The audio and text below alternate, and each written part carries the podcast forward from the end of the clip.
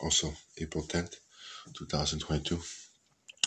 I'm also very interested about the uh, Mexico, USA, Canada World Cup in 2026. When I uh, think about it, uh, the last time any of those teams has gone further than the quarterfinals of the World Cup uh, has been a long time. Um, so to see the stadiums filled, you know, uh, in 2026 and seeing uh, CONCACAF team go to the quarterfinals would be something that has never really happened lately.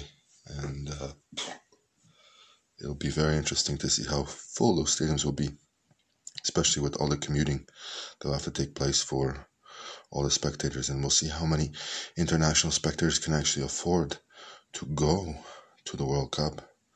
Already, I'm already finding it very difficult to go on my levels today, and that is a shocker. Just a shocker to see that uh, a TF2 trailer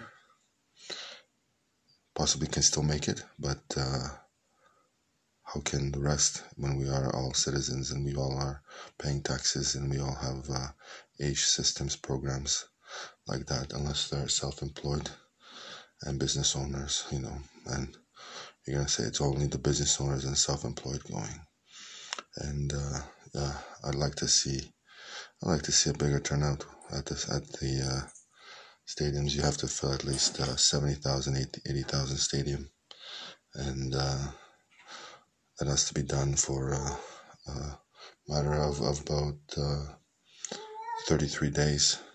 So uh, something interesting to look forward to. Uh, see how it all unfolds. Uh, I'm sure there's going to be a little bit of a bias situation if Mexico, Canada, USA don't qualify.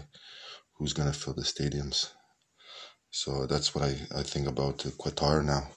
If Qatar or an Arab team doesn't qualify for the next round of the group stage, how is it going to unfold, right? Is there going to be that many international people the tournament? And this is something that sometimes the referee just blows the whistle for. I feel that sometimes they just want that team to qualify. I know in south africa it was a little bit different. South africa hosted the tournament and uh, they were not able to qualify to the next round of the group stage. And i think that was a very uh, uh, tragic situation you know, for a, a host country to showcase the case the World Cup and not have uh, um, a turnout by the host nation further than the group stage.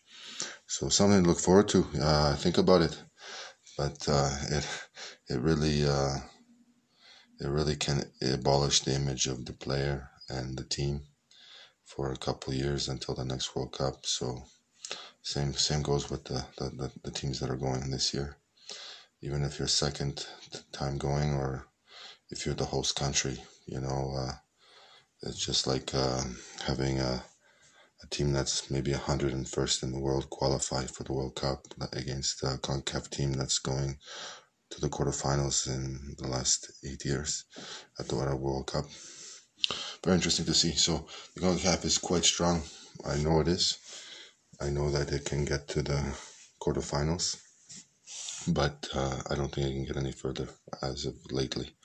If the decisions they're making and the strategic thinking that's happening in the world today isn't improving, and that's what you have to focus on is their mentality, their physical and spiritual strength. So uh, keep that in mind. You aren't as good as you think. Anyway, have a good day. Get better.